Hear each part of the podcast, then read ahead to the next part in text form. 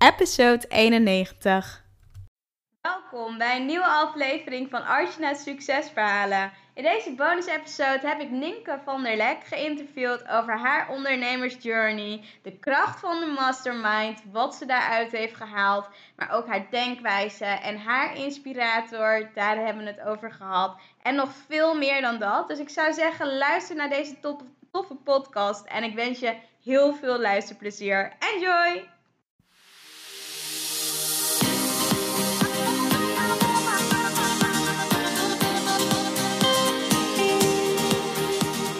Welkom bij Archna's Succesverhalen. Mijn naam is Archna van Archna Stories en leuk dat je luistert. Ik ben storycoach, zichtbaarheidsexpert en ik bruis van de energie om jou te helpen naar meer succes in jouw leven. Dagelijks help ik ambitieuze vrouwen om vanuit hun ware kern vol vertrouwen zichtbaar te worden. In deze podcast neem ik je mee op de weg naar succes, de ups en downs en datgene wat vaak niet publiekelijk gedeeld wordt.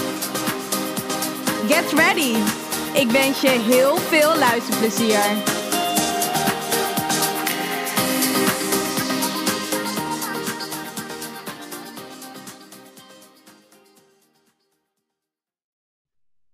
Nou, super tof. Ik heb vandaag Nienke van der Lek. Heb ik in de podcastshow. Zij is namelijk business coach voor ondernemers die zichzelf een comfortabel ja, leven gunnen. En ik wil je eigenlijk welkom heten, Nienke. Welkom in de podcast.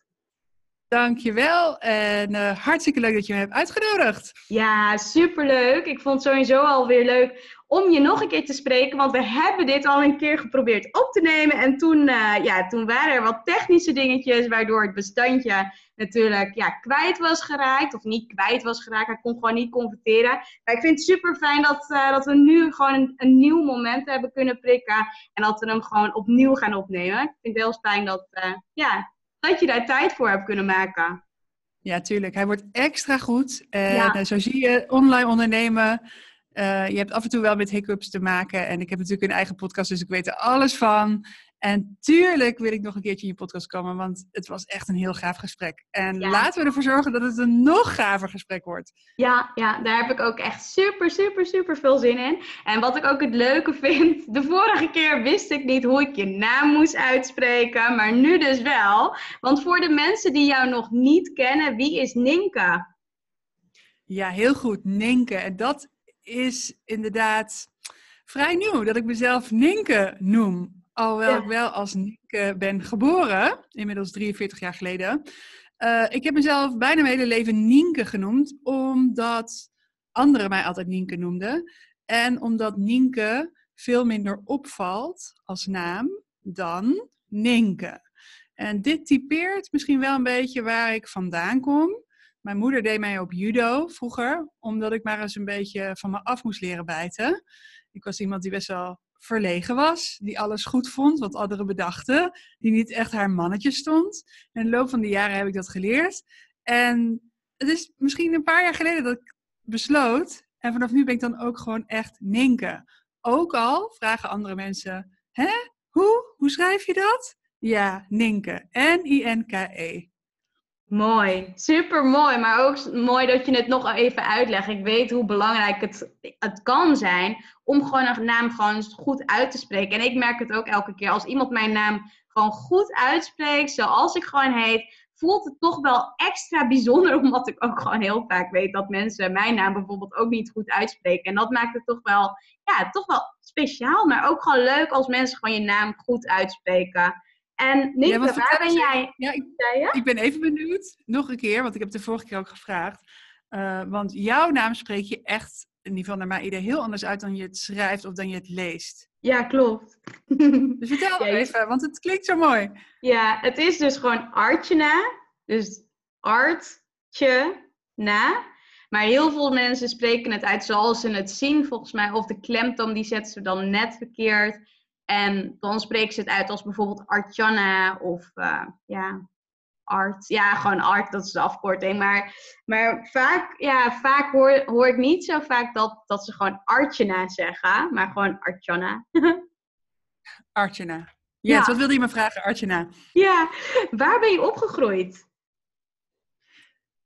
ik ben geboren in Zwolle, maar op mijn eerste verjaardag zijn we verhuisd naar Rosmalen. Dat hoort tegenwoordig bij Den Bosch. Dus uh, mijn jeugd heb ik doorgebracht uh, in het keigezellige Brabant. Waar nog steeds wel een beetje mijn hart ligt, moet ik zeggen. Ook al ben ik uh, weg sinds mijn achttiende. Ik heb de hele tijd in Amsterdam gewoond. En sinds een jaar of tien woon ik in Deventer of tegenwoordig in de buurt van Deventer. Ja, tof. En um, wat maakt Deventer uniek? Mm, nou, het ligt super mooi. Het ligt aan de IJssel. Het is een hele mooie oude stad. Maar ik heb er heel erg aan moeten wennen. Dus we woonden in Amsterdam, in het centrum, bij de Haarlemmerstraat. Oh ja. En uh, ja, we hadden al één kind. En uh, ja, we waren op zoek naar groter wonen. We woonden op Driehoog. En wat ik me heel erg herinner uit de tijd uh, in Amsterdam met kind, is dat we altijd een project voor de dag hadden. Omdat je je kind toch uit moet laten. Je kan niet met je kind op drie hoog blijven zitten. Nee, Ze waren op nee. zoek naar een huis. Eerst in Amsterdam, toen Amstelveen, Apkoude, Haarlem, Bussum, Hilversum. Noem maar op. Ja. Tot ik een keertje bij toeval in Deventer was. En ik dacht, wauw, maar Deventer heeft eigenlijk alles wat we zoeken. En vooral betaalbare, toffe huizen. En ja, ik ben best wel iemand van als het goed voelt, dan ga ik ervoor. Dus dat was ook met dat huis. Ik kende Deventer helemaal niet. Maar we hadden binnen no time een huis gekocht. We waren op vakantie in Spanje. En vanaf het strand was ik aan het onderhandelen met de makelaar. En we hadden ineens dat huis. En binnen een paar weken verhuisden we. En zaten we ineens in Deventer. Nou, dat was wel even wennen. Dat is misschien Ja. wel interessant om te vertellen. Omdat ik gewoon... Ik heb zeker twee jaar best heimwee gehad. Elk vrij moment gingen we terug naar Amsterdam. En ik merkte dat ik best wel veel oordelen had over de mensen die daar woonden. En ik vond het stug en ik vond het saai. En het was, de koffie was niet goed. En mensen wisten niks over Bourgondische leefstijl. En heel veel oordelen. Tot Ja. ik echt wakker werd en begreep dat ik het zelf moest maken. Ja. En tot dan toe was ik altijd verhuisd, eigenlijk alleen maar voor mijn studie. En begon ik met een hele groep tegelijk. Weet je, voor het eerst ergens gaan wonen. Dus je trekt naar elkaar toe. Ja. Nu was ik volwassen en kwam ik als één ding, zeg maar, met mijn gezin natuurlijk, ehm, in Deventer.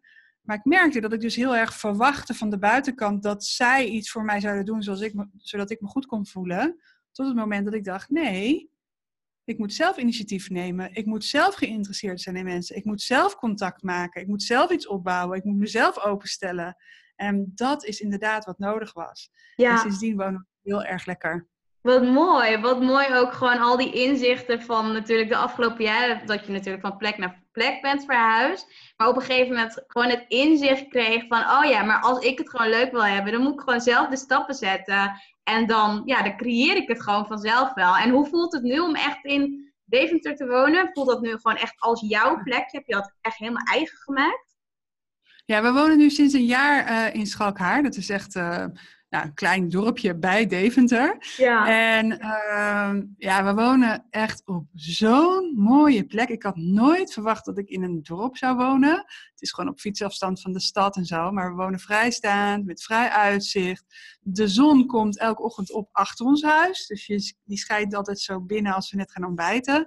En s'avonds gaat hij onder voor het huis. We hebben elke avond zo'n gouden gloed binnen. En elke dag ben ik zo vervuld en dankbaar dat we daar mogen wonen. En dat is allemaal te danken aan keuzes die ik heb gemaakt in mijn ondernemerschap. Ja. En daar ben ik dan ook dagelijks heel erg van bewust. Ja, super mooi, super mooi om, uh, om dat te horen. Nou, ik heb het natuurlijk gelezen, maar ik zag het ook laatst weer voorbij komen. Je houdt natuurlijk ontzettend veel van reizen en avontuur. Volgens mij ben je laatst ook nog met je zoontje naar Marokko, Marrakesh geweest. Maar waar ik benieuwd naar ben, is wat is het meest fijne, mooie plek waar je ooit geweest bent en die je iedereen aanraadt? Ja, dat is een plek in Zuid-Afrika. Ik moet meteen denken aan een restaurantje waar we zaten. Het was een restaurantje in een lodge. En een lodge, ja, betekent eigenlijk gewoon een, waren een, een paar. Van de buitenkant leek het eigenlijk hutjes van klei met rieten daken, maar het was five star. dus het was midden in een wildpark. Er waren geen hekken omheen. Dus ja, je wilde soms gewoon naar je eigen lodge lopen en dan stonden er allemaal zebra's voor je deur. Of als het donker was, kon je daar alleen maar buiten lopen met een ranger. Die bracht je dan naar je, naar je kamer terug, omdat er zomaar een leeuw uit de struiken kon duiken. Dus het was een fantastische, spannende plek. En we waren daar met onze kinderen. We hebben drie jongens. En dit was mijn grote droom. Kunnen reizen met mijn kinderen. De wereld ontdekken met mijn kinderen. Ehm, samen nieuwe avonturen beleven. Het, het zorgt voor Ehm, ja, dat je echt naar elkaar toe groeit. Als je samen iets nieuws beleeft, dat is zo mooi samen met je kinderen. Dat is heel iets anders dan dat je je kinderen iets laat zien. Samen iets leven wat ook een beetje spannend is en avontuurlijk. En het was, wat ik zei, het was five star. Het was voor het eerst van mijn leven dat ik dit in mijn leven had. Zo'n verre reis met kinderen. Ik was al eerder, had wel eerder al ver gereisd, maar nooit zo als gezin. Ja. En het was avontuurlijk, het was luxe, het was comfortabel. En we zaten s'avonds te eten en het eten, wij zijn enorme foodies en lekkerbekken. En het eten was echt, het was sterren eten, het was ultiem. En iedereen was zo gelukkig. En we zaten daar en de zon ging onder en je zag die dieren buiten. En de service was zo goed. Nou, ik brak daar echt. Ik, ik, ik, tranen stroomden over mijn wangen. Gewoon van geluk. En een soort besef van: wauw, dit is nu onze realiteit. Dit is iets wat zo ver weg leek. Wat eer, waar ik eerst nauwelijks van durfde te dromen. Omdat ik echt dacht: ja, gaat dit ooit lukken? Weet je wel, je bent voorzichtig dan met je droom. Ik durfde het vast te pakken en stap voor stap heb ik ons als gezin er naartoe gebracht. En dat daar dat moment was voor het eerst dat het echt binnenkwam. En het was gewoon, alles viel, alles viel samen, weet je wel. Het was gewoon echt helemaal compleet. En ja, ik voelde hem even heel erg goed. Super mooi, super mooi. Je neemt me ook helemaal met, met eigenlijk je woorden mee naar de plek waar je geweest bent. Je kan het echt heel goed verwoorden. Ook echt het stukje, het gevoel. Het gevoel dat, dat breng je zo goed over. Dus uh, ja, ik heb hem ook sowieso op mijn bucketlist. Een keer naar Afrika gaan. En ja, volgens mij heb je me wel heel erg overtuigd. Maar ook wat je zegt, hè, dat belevenis die je samen met je kinderen gemaakt hebt. Ja, super tof. Ja. Mm Heel mooi. Super mooi.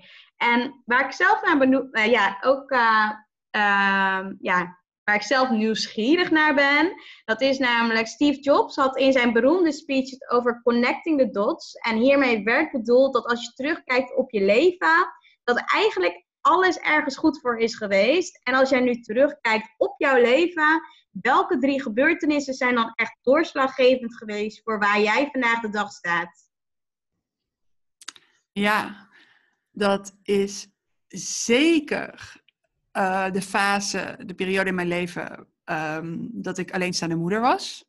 Dus ik had een vaste relatie. We kregen een kind, onze eerste zoon. En op de dag dat hij vijf weken was, vertrok mijn ex, dus de, de vader van mijn kind. En ja. dat was het moment waarop ik hem daarna twee jaar niet meer zag. Ik wist niet waar hij was. Het werd zelfs een beetje onveilig. Dat wil zeggen, er gingen geruchten dat hij uh, nare dingen van plan was. Is gelukkig nooit gebeurd. Maar ik heb wel een paar jaar in angst geleefd. En dat is iets wat ik helemaal niet kende. Ik ben heel vrij en gelukkig en liefdevol groot geworden. Alles ging goed. Uh, mijn studies gingen goed. Overal rolde ik doorheen. En ineens zat ik in een situatie dat ik moeder was van een kindje met een ex waarvan anderen zeiden: uh, pas op, pas voor hem op. Um, ik wist ook niet waar die was, of die ooit op ons pad zou komen. Terwijl ik echt het beeld had van: ja, ik word moeder en we hebben straks een gezin. En ja, de happy family. Het leven kreeg dus een compleet andere wending. Ik heb echt ja. uh, de hele tijd in een soort uh, bubbel geleefd. En ja, echt in een soort overleefstand van, um, ja, gewoon, gewoon van, van flesje naar flesje rollen, van luier naar luier. En ja, elke nacht maar proberen dat die klein een beetje doorsliep. En mijn wereld werd ineens heel klein, maar ook dus echt... Ja, ik, ik, ik, ik kwam met gevoelens in aanraking die ik nooit eerder had gehad.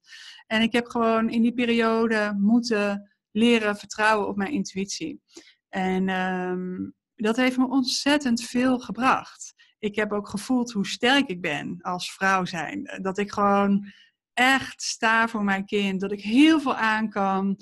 Uh, dat ik altijd, ja, de sterkste storm, daar kom ik doorheen. En dat is tot de dag van vandaag waar ik heel veel vertrouwen vandaan haal. Ik zeg heel vaak tegen mezelf, maar ook bijvoorbeeld tegen klanten. Als het over mezelf gaat, zeg ik, ik heb voor hetere vuren gestaan.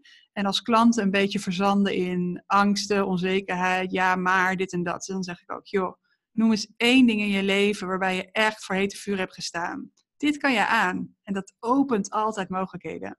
Ja, super mooi. Echt heel tof. Maar ook wat je aangeeft, hè? dat stukje van het, heet, ja, staan voor hete vuren.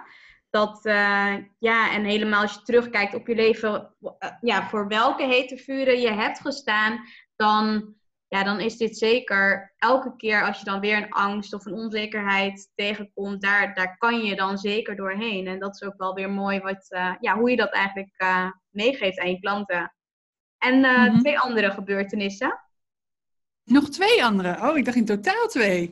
Nou, oké. Okay. Die zijn er vast hoor. um, de tweede uh, is uh, ja, mijn auto-immuunziekte. Ik heb de ziekte van Hashimoto. Dat is een uh, chronische schildklieraandoening. En um, ja, die kreeg ik na de geboorte van mijn derde zoon. Dus ja. ik heb later Floris ontmoet. En we hebben met elkaar nog twee kinderen gekregen. Dus drie jongens in totaal. En na de geboorte van de jongste voelde ik me echt heel, heel beroerd. Dus ik had alle reden om gelukkig te zijn. En met drie gezonde kinderen. En, maar ik voelde me zo intens moe. Een vermoeidheid die ik niet eerder kende. En um, ik werkte toen trouwens nog uh, net voor een baas. Uh, in het hoger onderwijs werkte ik toen. En ik ben daar echt tegen de vlakte gegaan. Ik was op. Ik was kapot. Ik, ik kon niet meer. En uh, dan ging ik naar de wc en dan sloeg ik een beetje op mijn wangen, koud water in mijn gezicht, gooien, koffie drinken, alles om maar een beetje wakker te blijven zo moe, mijn spieren deden zeer. Dus ik ging tegen de vlakte. En andere mensen zeiden, joh, je hebt ook drie kinderen. En je geeft borstvoeding en je wil werken. Je bent ook zo ambitieus. En, ik dacht, joh, dit voelt echt zo anders. Dus toen ben ik naar de huisarts gegaan. Nou, die zag mij. En die zag het meteen. Ik was heel erg opgeblazen. En die zag meteen van, uh, oké, dit is weer een van die dames die uh, na zwangerschap een schildklieraandoening heeft. En ik heb de ziekte van Hashimoto. Daarvan zeggen ze dat is levenslang. Um, dus ik kom van heel erg ver. Ik heb echt, uh, ja, stapje bij beetje ben ik een beetje opgeklommen. Maar tot de dag van vandaag is het heel belangrijk voor mij om goed voor mijn energie te zorgen. Dat ik goed in balans ben. Je ziet niks aan mij van de buitenkant. Ik moet dit helemaal zelf doen. En ik ben iemand die heel graag wil doorzetten. Iemand die zich groot wil houden. Dat is zeg maar mijn, mijn uh, basisinstelling, karakter. Ja. Maar ik heb echt, en daarom is het iets wat me ontzettend veel heeft opgeleverd. Ik heb echt geleerd om heel goed voor mezelf te zorgen. Om weer heel goed te voelen. Wat is goed voor mij? Wat wil ik? En daarnaar te handelen. Dus ja, ik heb dagelijkse rituelen. Ik maak heel veel keuzes. Allemaal om goed in balans te blijven. En uh, ik zei net van, ze zeggen dat dit levenslang is. Maar ik geloof zelfs dat ik, hier, dat ik dit achter me kan laten. Als ik nog bewuster omga met, me, met mijn gezondheid en bepaalde dingen gaat doen en laten. Ja, ja super mooi. Super mooi ook, uh, want ik zie, ik volg jou natuurlijk ook gewoon op Instagram. En ik zie ook wel eens die celery uh, sapje voorbij komen. En dat is dus ook een van, volgens mij, de een van de dingen wat gewoon een gezonde keuze is om dat op dagelijkse basis te doen. Kun je daar misschien iets meer over vertellen? Ja, dat is uh, dagelijks op nuchtere maag uh, sap drinken.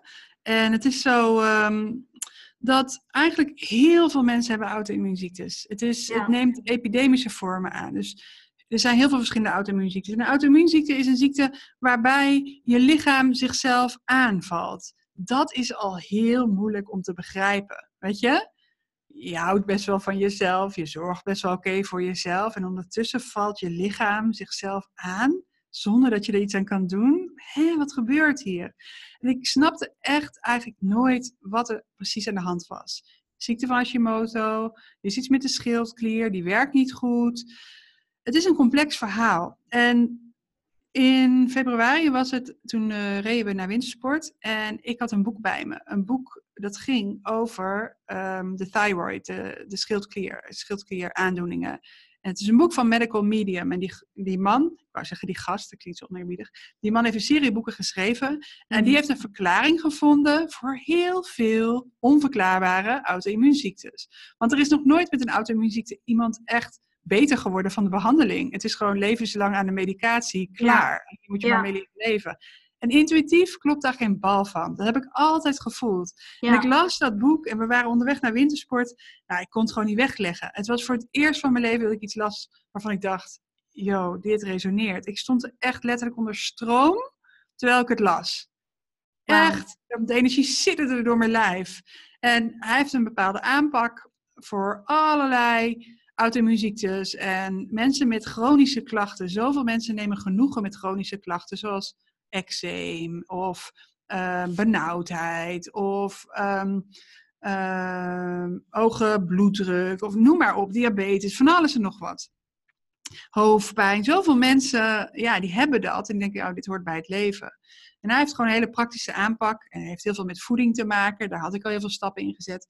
Maar een van de dingen waarvan hij zegt dat is wat je op dagelijkse basis moet toevoegen, is een bos selderij door de juicer elke ochtend op nuchtere maag drinken. En dat doe ik nu, ik denk zo'n dag of 75 of 80 wow. inmiddels.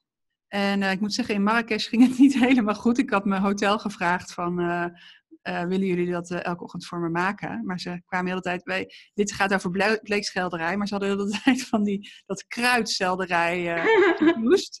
Dus ik had steeds een soort pot magie. Of ja, wat is dat eigenlijk? Ik weet het niet. Van die in de soep van je oma zat vroeger. Ja. En, dus dat, duurt, dat ging, was ook wel interessant, want ik merkte, elke dag moest ik het dus belangrijk maken. Dat ik zei, oh dankjewel dat je het hebt gemaakt. En wat ik bedoel is, dit, wil je dit voor me maken? Weet je wel? Dus de volgende dag hadden ze weer iets gemaakt, maar hadden ze niet de blaadjes van dat kruidstelderij gedaan, maar die stengeltjes. Nog steeds oh. een stelderij. Oh, dank je, dank je wel. Oh, dank je wel. En wil je morgen het anders doen? dus het dit is ook interessant. Als het gaat om je gezondheid en opkomen voor je gezondheid en je gezondheid verbeteren. Het gaat echt zo over ten eerste zelfliefde. Jezelf respecteren, hoe je het wil hebben. Ervoor staan. Als ik gisteren nog, ik ging bij mijn vader eten, hij had sushi gehaald. En dan weet hij dat het glutenvrij moet zijn. Maar ondertussen kwam dit van alles terug wat toch niet goed was. Ja. En ehm, dat ik dat dus niet ga eten, omdat ik weet dat ik er beroerd van word. Maar ook elke keer dat, het zo, dat je het belangrijk maakt. En dat je aan andere mensen vraagt, wil je rekening met me houden? Dat is echt ook wel een interessant proces. Ja, Zeker. En dat moet je natuurlijk ook wel durven. Heel veel mensen durven dat niet. En ja, vaak merk ik bijvoorbeeld zelf als ik ergens ga eten. En het is gewoon, ja, en dan is het een kwestie van misschien verwend zijn of zo. Als ik iets niet lust, dan ga ik het ook vervolgens gewoon niet eten, omdat ik het gewoon niet lust. Maar ook een stukje met, um, ja, als je inderdaad, wat jij zegt, hè, met die selderie of uh, een bepaald dieet moet aanhouden voor je gezondheid, is het gewoon zo belangrijk om dat gewoon wel door te geven omdat ja. je ja, anders ja, gewoon jezelf ermee hebt. En uh, op een gegeven moment gewoon niet meer lekker gaat eten bij een ander. Terwijl dat gewoon net zo leuk kan zijn als je dit juist wel doet.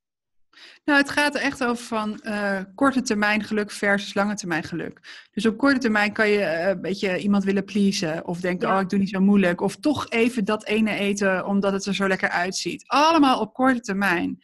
En ik denk dat de kracht ook zit in keuzes maken die op lange termijn jou het gewenste effect geven. Kijk, het is echt niet handig om op nuchtere maag selderijsap te moeten drinken. Het duurt echt lang voordat je al die stengels er doorheen hebt. Ik sta gewoon een half uur eerder ervoor op. Oh, ja. En um, ja, maar je ja. moet er dus echt wat voor over hebben en echt naar leven. Ik zeg altijd, je kunt commitment maken, maar waar het om echt om gaat is dat je het commitment ook leeft.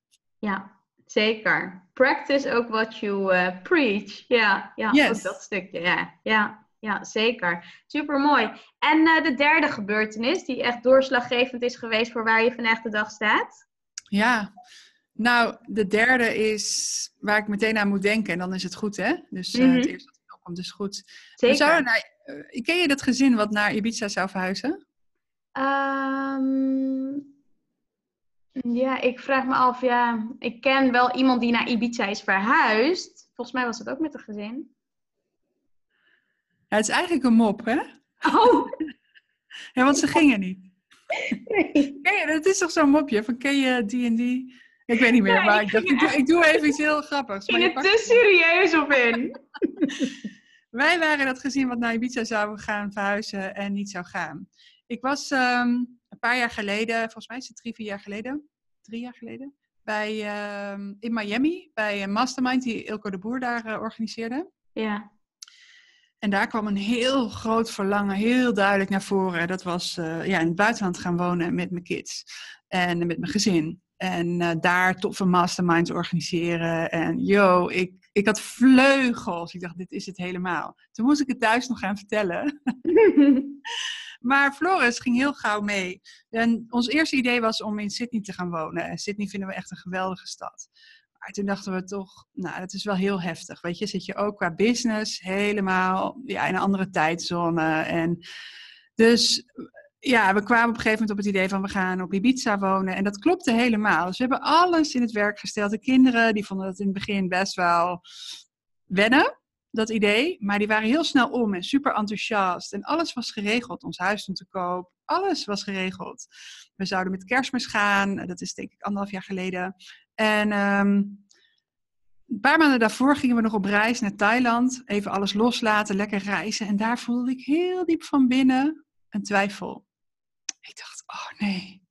Maar je weet nu inmiddels wat intuïtie voor mij betekent. Daar heb ik heel veel over geleerd de afgelopen jaren. En ik zei het al, toen ik terugkwam van Miami, moest ik het thuis nog vertellen. Ehm, wat, wat je wil gaan doen, dat is één. Maar het terugdraaien, als je iedereen al mee hebt gekregen, dat is echt moeilijk. Vond ik echt heel erg moeilijk. Vond ik heel spannend. Dus op een gegeven moment, uh, Floris en ik lagen in bed in onze hotelkamer in Thailand. En ik zei op een gegeven moment, weet je, als ik heel eerlijk ben, voel ik diep van binnen twijfel. Floris zei, als jij twijfelt, gaan we niet. En toen dacht ik, oh nee, nu heb ik het gedaan, weet je wel? Ja. Nu heb ik het gedaan. Maar het was ook zo'n opluchting om het erover te mogen hebben en dat het er mocht zijn. En we hebben samen besloten, het was heel moeilijk, van we gaan het niet doen, we gaan het terugdraaien. En we dachten dat onze kinderen best wel opgelucht zouden zijn. Want ja, ze moesten hun vriendjes uh, achterlaten. Ze zouden naar internationale school gaan, nieuwe talen leren, bla bla bla. Ze waren boos. Ze waren oh. zo boos. Ik dacht echt, oh nee, dit is het moment waarop ik mijn kinderen een trauma, uh, een trauma geef in hun leven, weet je wel? Ik, ja. ik heb me bijna nog nooit zo hulp, hulpeloos gevoeld in mijn leven, omdat ik echt dacht, oh, wat doen we? Eerst, we gaan naar het buitenland, alles loslaten. Nee, toch niet. Maar het was achteraf de reactie van de kinderen. Gewoon, die hadden zich er zo op, op ingesteld. En dat moet je je dan wel realiseren. Je loopt zelf een tijd met die twijfel. Dan heb je het er een tijd met elkaar over. Ja. En dan drop je dat even bij de kinderen. En die moeten dat verwerken. En dat zie ik ook als we even de parallel maken met business. Als je werkt met een team, vaak heb je zelf, loop je al een heel tijd rond met een idee. Of je kijkt naar mensen die iets aan het doen zijn waarvan je denkt, wauw, dat is gaaf, dat is inspirerend. En je bent er al mee bezig. En het moment waarop je het met je team deelt, heb je het zelf al helemaal uitgedacht. En je verwacht van hun dat ze dan eigenlijk even in een half uurtje helemaal op datzelfde level staan als jij overtuigd zijn, het snappen, de vibe voelen, weten wat ze moeten doen. En ehm, ja, dat is wel ook iets dus wat ik daaruit heb geleerd. Weer intuïtie volgen. Ja. Want het is heel erg goed dat we in Nederland zijn gebleven. En zo kwam ook ons huidige huis op ons pad. Um, ja, dat hadden we anders nooit gevonden. Dus we moesten het via die weg doen. We kunnen nu nog steeds lekker reizen. Maar ook anderen meenemen in je proces niet pas dingen gaan vertellen als je er helemaal over uit bent. Maar mensen betrekken in je twijfel. Betrekken in je gevoel wat je ergens over hebt. Want soms wil je gewoon dat het al helemaal duidelijk is. Dat mensen niet uh, in die onzekerheid stappen die je zelf voelt. Omdat het gewoon een akelig gevoel is. Maar anderen die belangrijk voor je zijn, hebben ook het recht om te weten waar jij een beetje uithangt. Ja, super mooi. Ja, en dat, uh, dat helpt vaak ook ja, ook wel gewoon om elkaar nog beter te begrijpen. Helemaal ja, en elkaar te helpen. Doorheen gaat. Ja. ja. Ja. helemaal waar. En als je vandaag nu even alles uit je handen laat vallen en even bij de volgende vraag even stilstaat. Wat vind jij nou echt belangrijk in je leven op dit moment? Mm, tijd en aandacht voor mijn kids. Ja, ja. Ja, een super cliché, maar de tijd gaat hard. Mijn oudste zoon die is 16,5 en die heeft zich eergisteren ingeschreven bij de Kamer van Koophandel, moet je nagaan.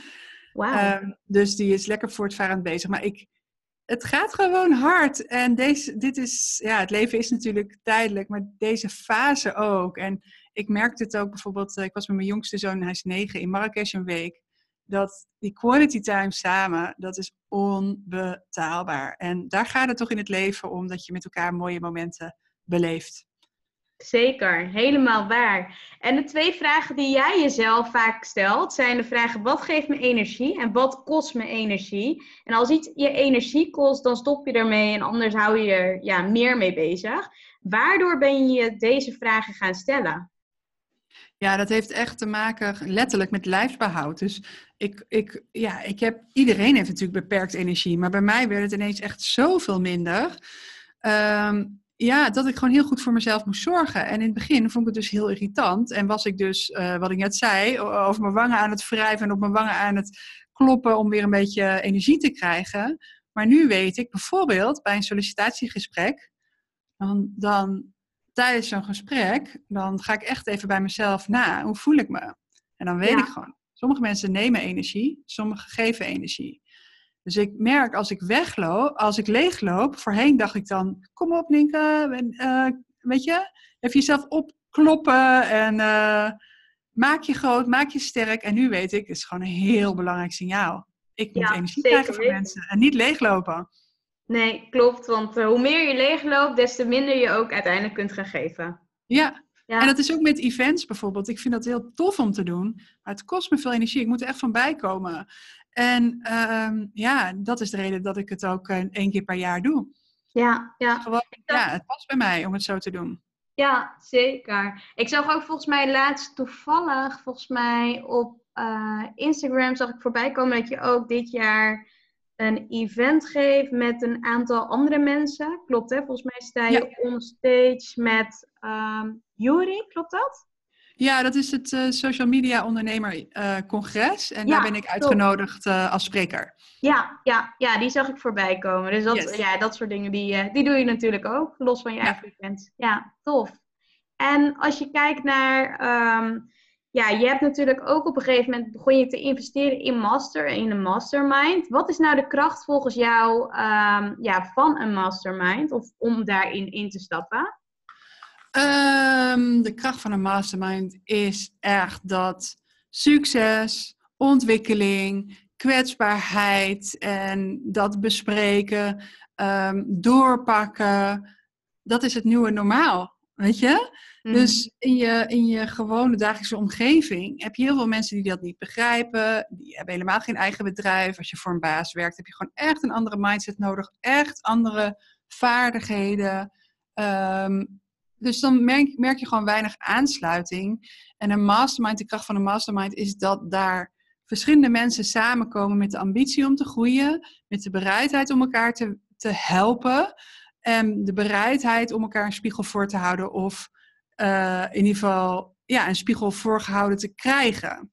En dat is echt de kracht van een mastermind. Want je wordt gewoon naar voren gestuurd, zeg maar. Ja, super mooi.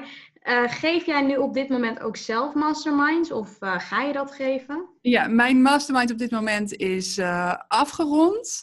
En op dit moment heb ik, organiseer ik sprints. Dat is kort, korte durend. Op dit moment zitten we ook midden in zo'n sprint. En uh, dus dat is nu wat ik, wat ik doe. Uh, dat is ook hele intensieve begeleiding. Met die mensen heb ik ongeveer op dagelijkse basis contact.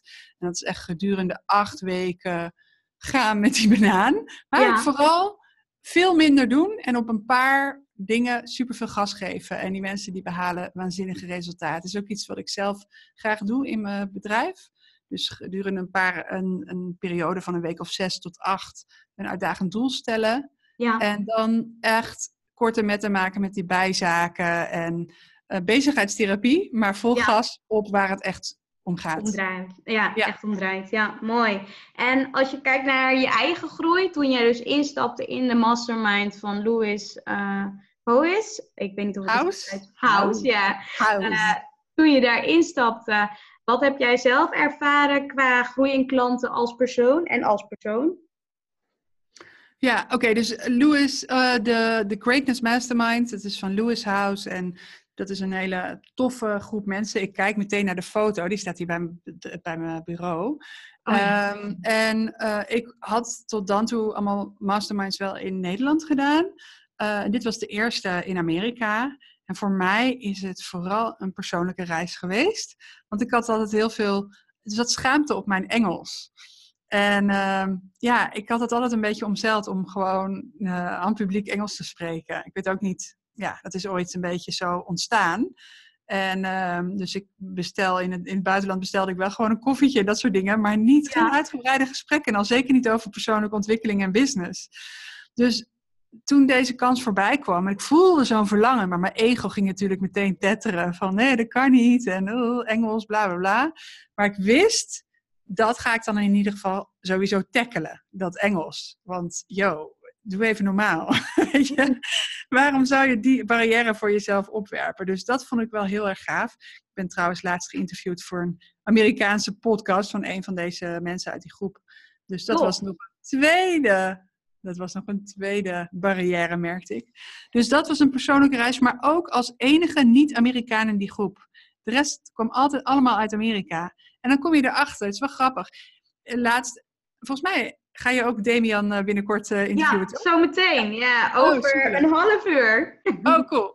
ja. Want Damian, Damian Beenhakker, die, um, die, ken, ik, uh, die ken ik ook via, via Ilko. Ik, ja. Die was ook in Miami trouwens destijds. Oh ja, en, met de, ja, hij maakt ook deel uit van Masterminds in Amerika. En ik belde hem een keertje en we hadden het erover dat je je een beetje vreemd, vreemde eend in de bijt kan voelen.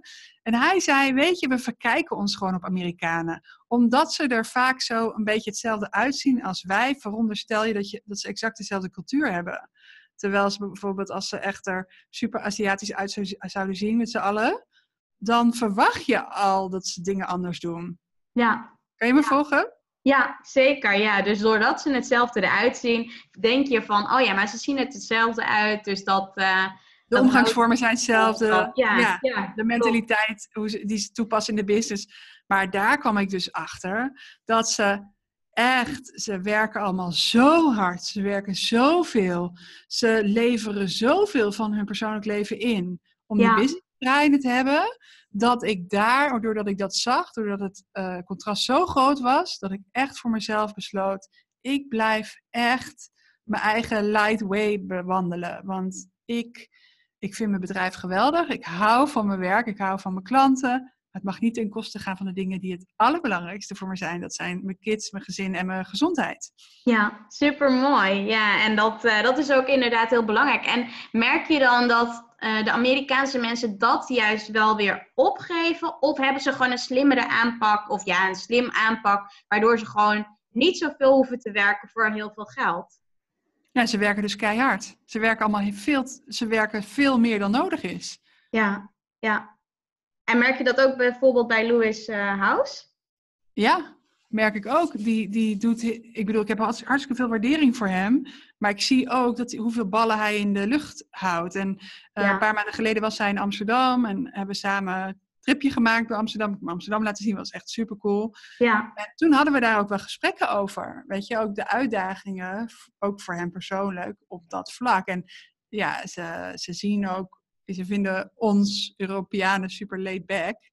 Met een laid back uh, manier van business doen. Dus daar zijn ze ook heel nieuwsgierig naar. Lou is ja, ook. ja. wel leuk. Leuk om te zien. Leuk sowieso om de cultuurverschillen te zien. Maar ook te zien wat voor kansen er dan nog liggen hier in Nederland. Uh, en wat er nog allemaal kan gebeuren in de komende tijd. Ja. Zeker.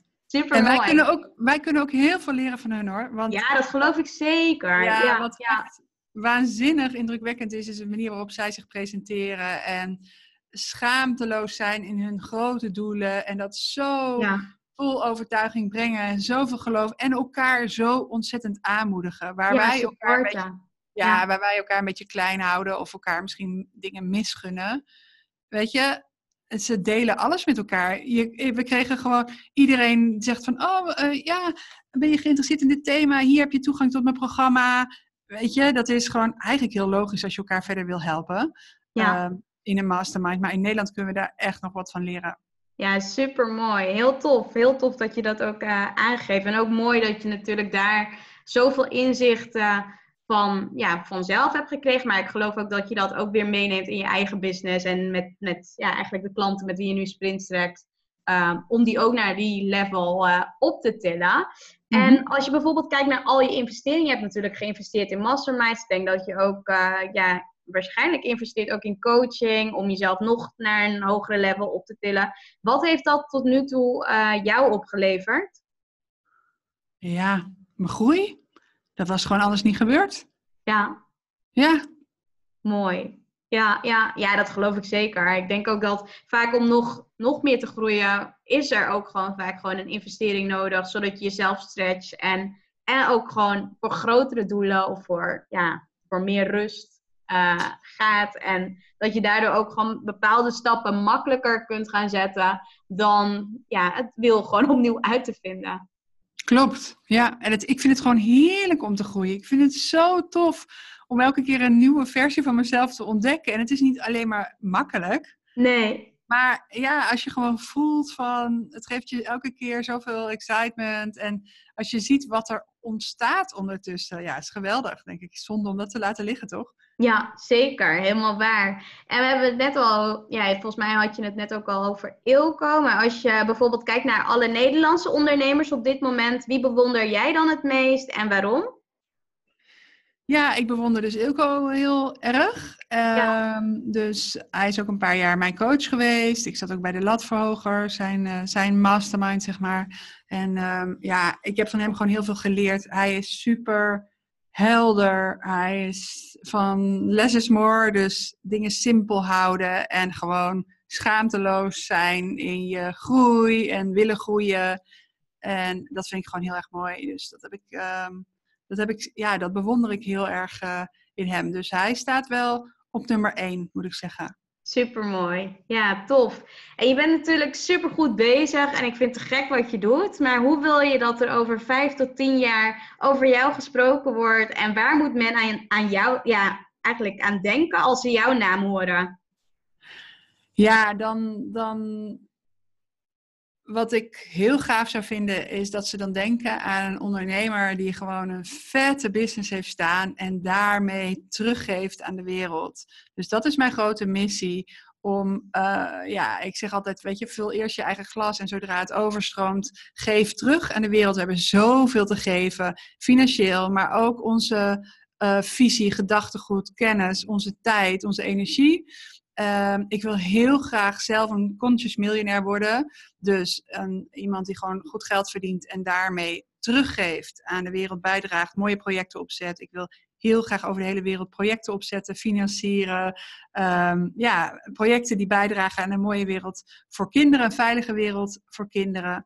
En ik wil andere ondernemers helpen dat pad samen met mij te bewandelen. Dat is, Ja. wat, ik, dat is wat ik voor, waar ik voor ga.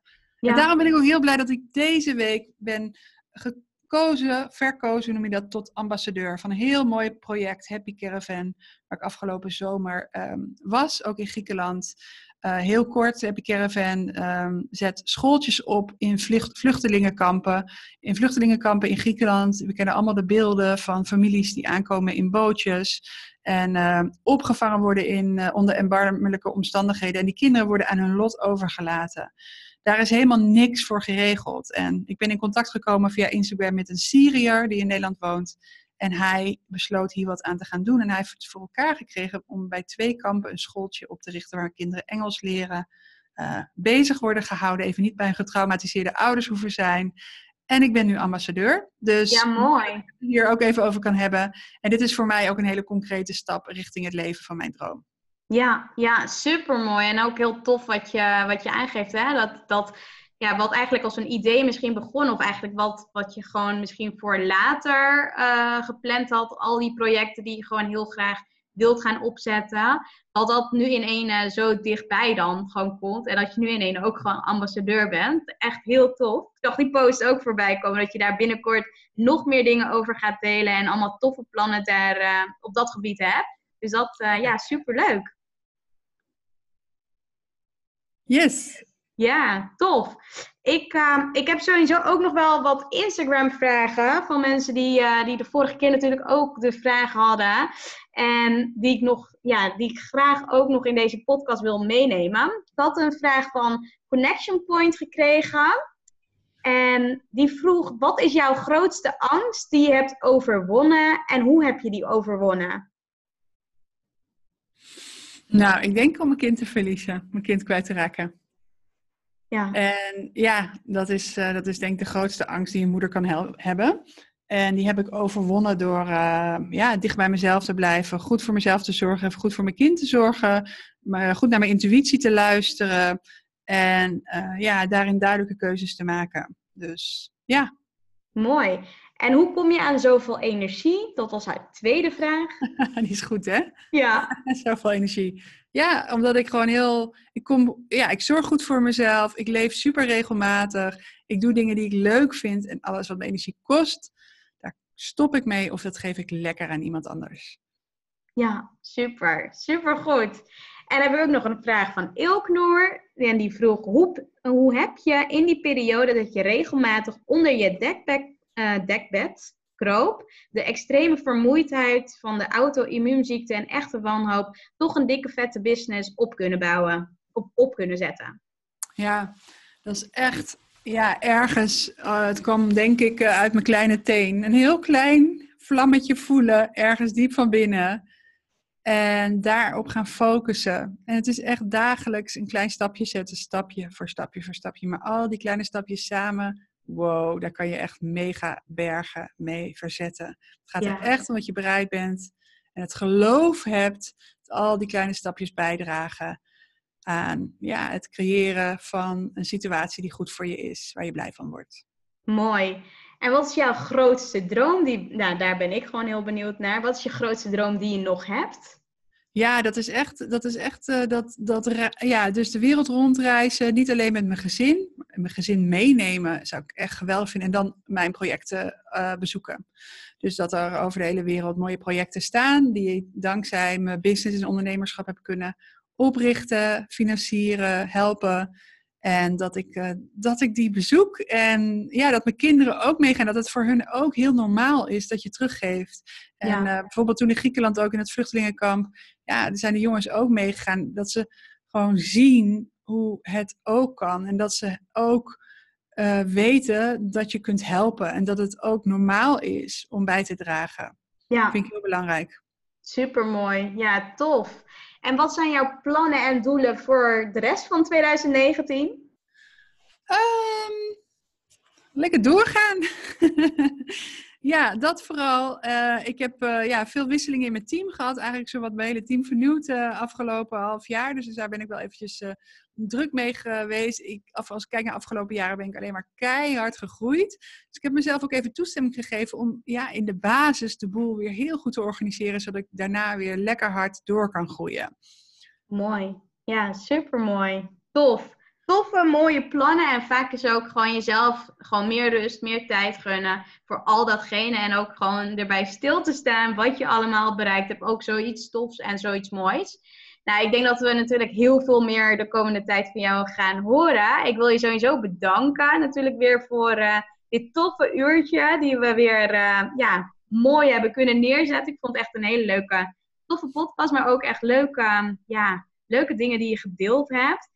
En ja, welke afsluitende les of takeaway of uh, advies wil je nog meegeven aan de luisteraar?